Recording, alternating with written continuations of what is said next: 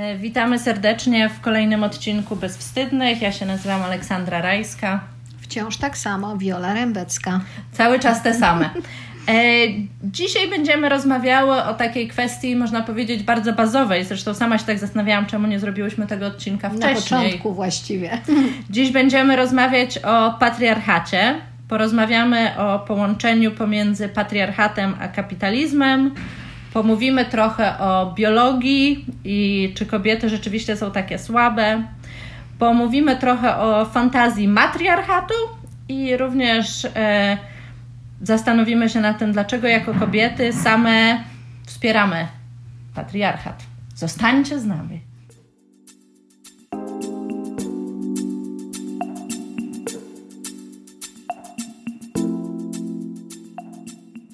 Dzisiaj zastanawiałam się nad tym, jak to się stało i skąd tak naprawdę wziął się patriarchat. Pamiętam, że sama osobiście miałam kiedyś w liceum taki moment, że nagle zdałam sobie sprawę z tego, to naprawdę są takie osoby, które uważają, że kobiety są gorsze. Jakoś tak to do mnie dotarło. Wydawało mi się to takie absurdalne, tak logicznie absurdalne.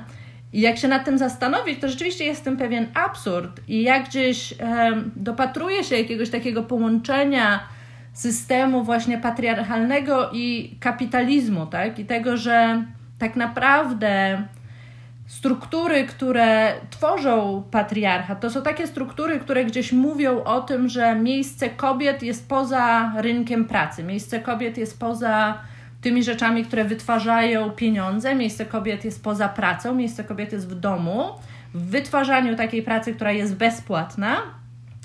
I że tak naprawdę kapitalizm, który był związany z tym, że kobiety nie mogły dziedziczyć, kobiety E, nie mogły pracować, kobiety były gdzieś zamknięte w tej takiej strefie właśnie nieprzynoszącej korzyści. E, tak naprawdę z tego się gdzieś tworzy patriarchat, tak? I że to mężczyźni są tymi osobami, które działają w świecie, mężczyźni są tymi osobami, które działają w pracy, które przynoszą korzyści i zarabiają na chleb. E, I że tak naprawdę patriarchat gdzieś ujmuje właśnie tą różnicę między kobietami a mężczyznami w takim języku e, biologii, tak, że kobiety to tak naprawdę biologicznie są stworzone do tego, żeby być w domu. To kobiety biologicznie są stworzone do tego, żeby nie pracować albo żeby mieć gorszą, mniej płatną pracę.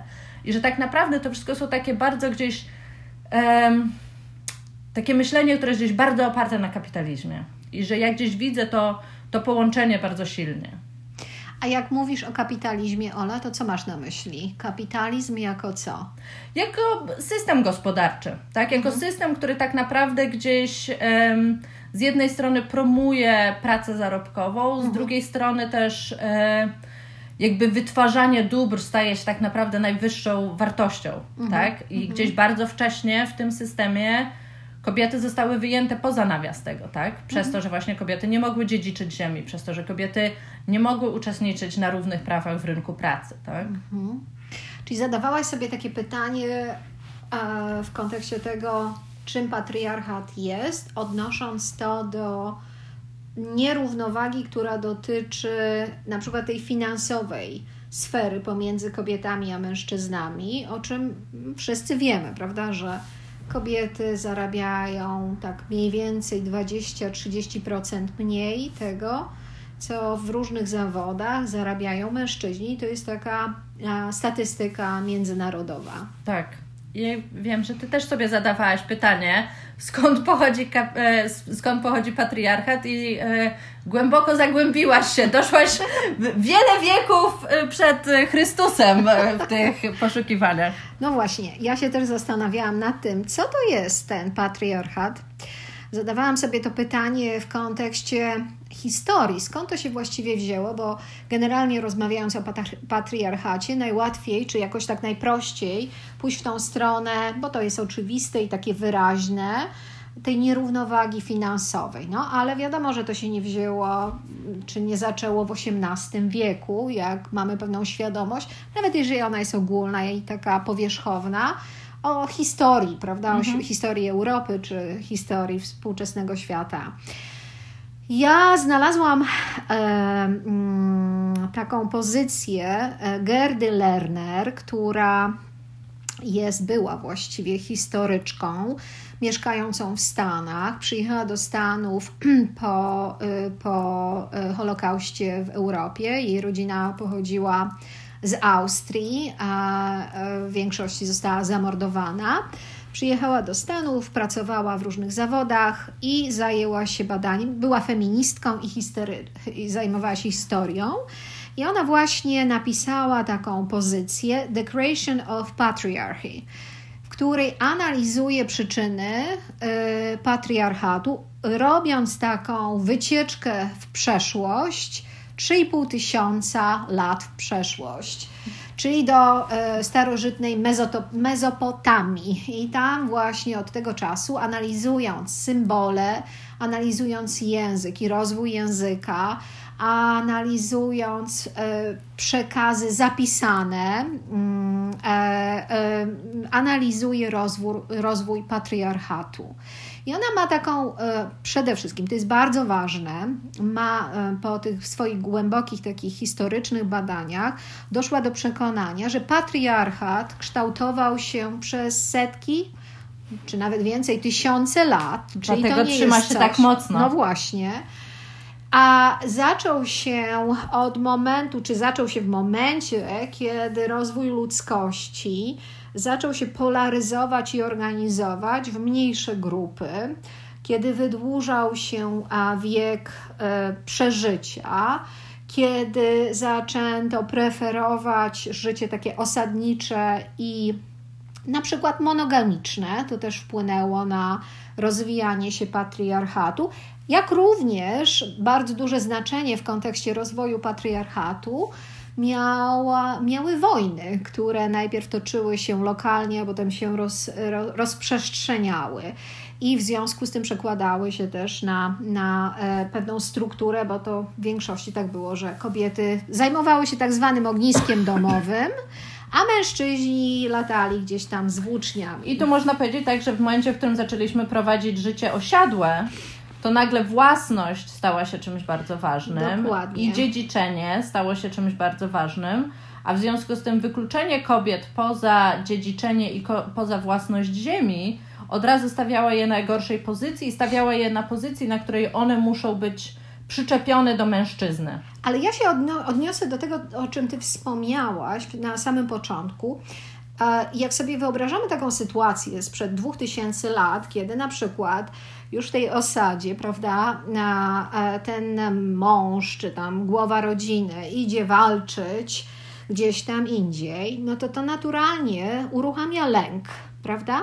Lęk o to, czy ja przeżyję jako ten, ten e, wojownik, ale też o to, co ja zostawiam. W związku z tym lęk bardzo często e, prowadził do takiego, i o tym też Lerner pisze w tej swojej e, pracy, do takich ograniczeń związanych z tym, że na przykład seksualność zaczę, zaczęła być regulowana, że zaczęto wprowadzać pewne normy, że na pas przykład. Cnoty. Tak, pas cnoty, no w takim cudzysłowie można powiedzieć. Albo kary za niedotrzymywanie wierności, choć szło to w jedną stronę, bo to ten wojownik, który tam walczył o dobra, dawał sobie prawo do tego, żeby taką karę wprowadzać, nie te, które dbały o te do, do domowe ogniska i dzieci. Co jest też ciekawe właściwie. Ale czemu? właśnie powiedzmy o dzieciach i powiedzmy mhm. trochę może więcej o tym, w jaki sposób postrzeganie macierzyństwa i postrzeganie tego, że kobiety są tymi osobami, które zachodzą w ciąży i rodzą dzieci, w jaki sposób to zostało wykorzystane przez patriarchat E, że tak powiem, na szkodę kobiet. Na szkodę kobiet, właśnie. Jest takie przekonanie i ono się ma bardzo dobrze, ono się zmienia, ale jednocześnie jest podtrzymywane przez różne nurty, że e, bycie w ciąży i wczesne macierzyństwo to jest taki szczególny czas w życiu kobiety, kiedy ta kobieta jest trochę taka chora, że ona właściwie nie może normalnie funkcjonować. Oczywiście, że się zmienia i ma różnego rodzaju z tego powodu, e, może czasami ograniczenia, ale też ja na przykład w ciąży e, miałam e, dodatkową, jak wiadomo, jestem energiczną osobą, naprawdę ciąża spowodowała, że byłam jak królik Duracell, który naprawdę mógł funkcjonować na wysokich obrotach niemal non-stop. Więc to myślę, że też różnie bywa i że w różny sposób tu u różnych kobiet się przekłada. Natomiast rzeczywiście to takie przekonanie, że ciąża jest okresem chorobowym i że ta kobieta szczególnie wtedy potrzebuje tej opieki, ona jest trochę taka no można powiedzieć, że jest strasznie dużo nawet w polskim języku, prawda, że my takie jesteśmy humorzaste, bo hormony nam się zmieniają, no jeszcze w tej ciąży, to mamy te swoje zachcianki, to nam się spać chce, albo nam się nie chce spać, albo tam robimy różne rzeczy. Jest cała masa różnych, w tej chwili bardzo głęboko zakorzenionych w kulturze przekonań, która podtrzymuje takie przeświadczenie, że kobiety są słabsze, fizycznie są słabsze. I tutaj dodam jedną rzecz, która od czasu, kiedy e, lata temu prowadziłam szkołę rodzenia w Warszawie, jest w mojej świadomości. Wtedy właśnie, kiedy prowadziłam te szkoły rodzenia w Warszawie, robiłam bardzo dogłębną e, analizę tematu i dowiedziałam się, że dostarczenie dziecka w czasie porodu wymaga wysiłku, który porównywalny jest do wejścia na Kilimanjaro, no, przepraszam, ja weszłam na Kilimanjaro, na Mount Everest. na Mount Everest. I myślę, że każda kobieta, która rodzi dziecko, powinna być świadoma, jaką siłę fizyczną, ja już nie mówię o psychicznej, trzeba włożyć w dostarczenie dziecka.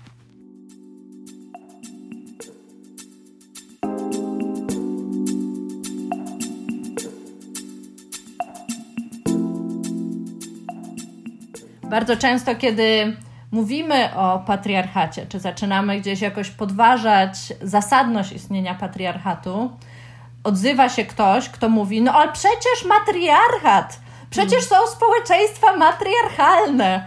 Tak jakby. Um, tak jakby to z jednej strony wyrównywało wszystko i jakby oznaczało, że to, że gdzieś są społeczeństwa matriarchalne i że gdzieś matriarchat istnieje, wyrównywało to, że żyjemy w systemie patriarchalnym. E, ostatnimi społeczeństwami matriarchalnymi były um, osady i um, różne skupiska ludzkie w Kerli i w Bengalu. I tutaj mówimy o XVII wieku, kiedy te osady miały się dobrze. Tak? I tak jak mówiłyśmy wcześniej, gdzieś jakby związek pieniędzy kolonializmu z jednej strony, który został na te tereny sprowadzony przez Brytyjczyków i którzy przyprowadzili swój system myślenia o tym, co kobietom przystoi, co kobietom nie przystoi, e, ale również właśnie wprowadzili system dziedziczenia, który był właśnie zachodni, sprawiło, że tak naprawdę nie istnieją w tym momencie społeczeństwa matriarchalne, które mogłyby w jakikolwiek sposób konkurować tak, z większością świata i z, i z, z patriarchatem. Tak? W związku z tym takie mówienie, że gdzieś jest coś, to jest mam wrażenie taki taki, taki wytrych do tego, żeby obalić e, argumenty, które tak naprawdę są, stoją dosyć na mocnych nogach, tak? A osoby, które nie chcą ich słuchać, zawsze, zawsze zawsze wymyślą, że, e, że jest gdzieś jakiś matriarchat i że tak naprawdę w związku z tym nie warto mówić o patriarchacie. Mhm. Czyli myślę, że, że to jest związane z tym, że mówienie o tym, że gdzieś tam jest ten matriarchat, wiąże się z tym, żeby nie podejmować tematu, że jednak decyduje, zdecydowanie, no można powiedzieć tak generalnie na świecie, żyjemy w strukturze patriarchalnej uniwersalnie, czy tu w Stanach Nowym Jorku, czy w Polsce, w Warszawie, czy w Kielcach, czy w Gdańsku, czy gdziekolwiek w innym zakątku świata. Tak, i że tak naprawdę, jeśli myślimy o tym, co jest punktem wyjścia, tak, to że teraz na świecie punktem wyjścia jest patriarchat, mhm. tak? Jakiekolwiek organizacje, które próbują tworzyć systemy jakieś, które są bardziej równościowe, to jest wyjście gdzieś poza to, co teraz jest takim jakby poziomem zero, mhm. tak? Którym jest poziom nierówności. Na przykład kontro, kontrola związana z aborcją. To jest ewidentny dowód na patriarchat, że biali mężczyźni, czy tu w Stanach, którzy wprowadzają restrykcyjne, e, restrykcyjne przepisy, czy w Polsce, gdzie dyskutuje się na ten temat i dyskutuje na temat, na, na temat e, kobiecej fizjologii, e, a, a y, Sejm w większości składający się z mężczyzn, zdecydowanie można powiedzieć, że to widać gołym okiem, że to jest system patriarchalny. To z jednej strony. Z drugiej strony ja myślę, że jakby o seksualności i o patriarchacie można by rzeczywiście bardzo dużo mówić, tak? Bo moment, w którym em, tabletki e, tak, zapobiegające zachodzeniu w ciążę weszły na rynek, był momentem bardzo przełomowym. Był momentem przełomowym dla feminizmu i dla kobiet, które mogły nie zachodzić w ciążę, e, kiedy nie chciały zachodzić w ciążę. I tak naprawdę momentem bardzo przełomowym pod różnymi względami, tak? Czyli jakby w ogóle dostęp do tego, do kobiecego ciała, tak? I czy to kobiety mają, e, że tak powiem, kontrolę nad swoim ciałem, czy też mężczyźni i społeczeństwo mają kontrolę nad tym ciałem, to jest bardzo duża i ważna część tego, w jaki sposób warto myśleć o mhm. patriarchacie. Ja jeszcze tutaj dodam taką rzecz w kontekście mojego treningu psychoanalitycznego. W bardzo takim tradycyjnym, freudowskim e, ujęciu skończyłam szkolenie w, właśnie w tej podstawowej komórce utworzonej przez Freuda który, jak wiadomo, mówił o, o dominacji męskiego penisa ponad wszystko inne i zawiści kobiet wobec owego penisa ponad wszystko inne i o, o kastracyjnym przeżyciu, kiedy kastracyjnym zarówno dla mężczyzny, kiedy coś tam z tym penisem nie działa, czy w związku z tym się nie dzieje tak jak trzeba, albo też dla kobiet, które e, zdają sobie sprawę, że penisa nie posiadają. Myślę, że teoria e, Freuda, którego ja, jak już parokrotnie wspominałam, bardzo cenię i kocham, jest jak najbardziej e, teorią patriarchalną, bo odnoszącą się do myślenia o tym, że istnieje ten jeden, w cudzysłowie, Bóg, który wygląda w określony sposób. Ale też do tego myślenia, że człowiek, czyli właśnie ten punkt wyjścia, to jest mężczyzna i penis. Dokładnie. A teraz to, co jest inne, czyli kobieta, to jest właśnie ta aberracja jakaś. Na szczęście, na szczęście żyjemy w czasie i przyszło mi też żyć w tym czasie, gdzie myślenie o seksualności bardzo się, nawet nie to, że zmieniło, tylko otworzyło się, otworzyła się możliwość widzenia czegoś, co było ukryte, czyli właśnie widzenia kobiecości, nie tylko w opozycji do męskości albo w kontekście zazdrości czy zawiści, ale czegoś, co jest współrzędne. I, to, i to, to jest ciekawy wątek też w kontekście, ja bardzo dużo podróżowałam i wiem, że w różnych kulturach, szczególnie w Afryce, w której spędziłam dużo czasu, e, kobiety mają swoją szczególną pozycję, równorzędną mężczyźnie, ale jednocześnie poprzez funkcjonowanie w takiej strukturze społecznej, która jest bardziej, że tak powiem, sztywna i patriarchalna, muszą tą swoją pozycję najczęściej ukrywać. Jak y, powiedziała Simone de Beauvoir, jednak kobiety cały czas są tą drugą płcią. płcią. Mhm. Czyli tym, co jest jakby gdzieś drugie od tego, co jest punktem wyjścia, czyli mężczyzną.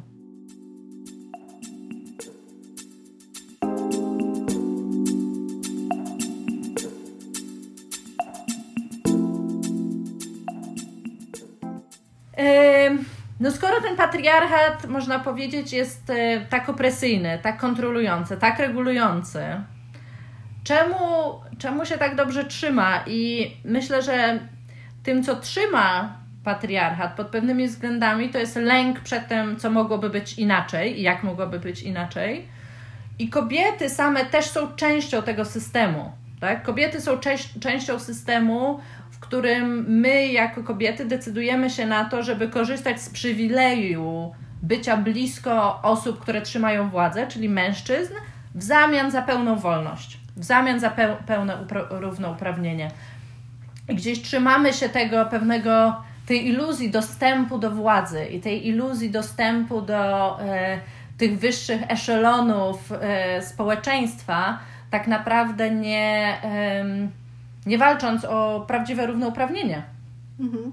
Na przykład, na przykład to, co e, zajmuje moją uwagę, to to, że kobietom bardzo trudno wspierać się wzajemnie, że, e, że nie mam na myśli, że się w ogóle nie wspieramy, ale że to jest pewien proces, który wymaga większej pracy niż pewien rodzaj dystansu, który e, wynika z tego, że kobieta, druga kobieta to może będzie, nie wiem, zagrożenie. Rywalka. Rywalką, że kobiety powinny tak dokładnie. tak naprawdę rywalizować o mhm. mężczyznę, o tego penisa, dokładnie. że kobiety powinny tego się króla. bić między sobą o, o przywileje i dostęp. Mhm. Tak? Czyli de facto nie chodzi o króla, nie chodzi o mężczyznę, tylko chodzi o to, co jest ukryte. Czyli my mamy taką samą chęć dominacji, rozwoju, posiadania jak mężczyźni, ale nie pozwalamy sobie na to w taki otwarty sposób. Czyli jednym słowem, nie jesteśmy biologicznie stworzone do tego, żeby być tylko uległymi i posłusznymi? O tym mówiła Gerda, Gerda Lerner i absolutnie się z nią zgadzam, ale o tym też mówią trzy fale feminizmu, o tym mówi historia człowieczeństwa. I nasze własne doświadczenie. E, tutaj się zatrzymamy. Tak jak zawsze możecie do nas pisać na Bezwstydny Podcast. Możecie nas śledzić na Bezwstydny Podcast Instagram. Śledzić. Śledźcie nas! Śledźcie nas, dołączcie do nas na Facebooku, dołączcie do nas na Instagramie, bądźcie z nami w kontakcie. Zawsze jesteśmy bardzo szczęśliwe, jak słyszymy, że ktoś słucha bezwstydnych e, albo w pracy, albo sprzątając mieszkanie. E, wszystkie te rzeczy bardzo nas cieszą. Do usłyszenia. Do usłyszenia.